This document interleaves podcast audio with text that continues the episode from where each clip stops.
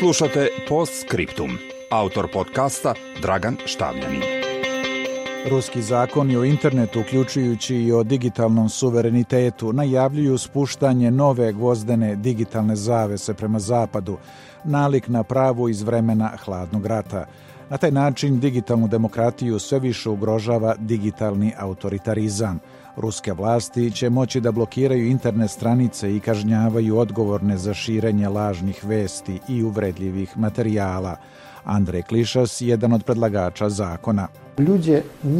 Ljudi ne treba da se plaše priključivanja na internet, ali treba da shvate da je on regulisan jednostavnim i jasnim pravilima, kao u stvarnom svijetu. Pravila su u Pošto Vladimiru Putinu pada popularnost, kritičari smatraju da novim zakonima pokušava da kontroliše sajber prostor kako bi onemogućio delovanje političkih protivnika u trenutku kada postoje dokazi o obmanjujućim informacijama koje Kremlj širi internetom. Ekaterina Šulman, članica Saveta za ljudska prava.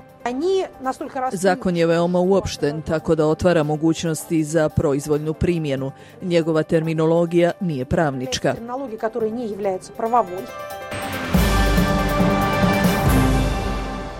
Ipak za kontrolu interneta potrebno je mnogo više od usvajanja zakona. Za razliku od Kine koja je postavila veliki zaštitni zid, sajber prostor u Rusiji je globalno integrisaniji jer su serveri većine domaćih internet kompanija u inostranstvu. Istovremeno svetski giganti poput Google imaju servere u Rusiji. Također građani Rusije sve češće koriste YouTube. Iako je zabrana YouTube-a i Google-a tehnički moguća, ona može biti i politički eksplozivna.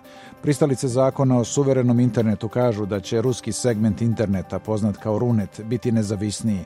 Vlast tvrdi da je to nužno da bi se Rusija sačuvala od potencijalnih sajber napada. Stručnjaci ističu da je ruski suvereni internet moguć, ali da je to dug i skup proces, imajući u vidu da Rusija ne proizvodi hardver za IT tehnologije. Potpuna primjena pomenutih zakona može ličiti na razbijanje monitora sa čekićem, kako ocenjuje ekonomist.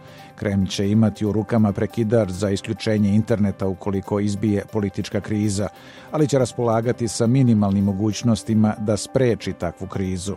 To znači da bi prekid rada interneta kako bi se onemogućilo širenje poruka neistomišljenika bila zapravo najmoćnija poruka jer 1991. u vreme neuspelog puča protiv Mihajla Gorbačova skoro niko nije imao internet u Rusiji, ali su svi znali da je zemlja u previranju zato što su na televiziji mogli da gledaju samo balet Labudovo jezero.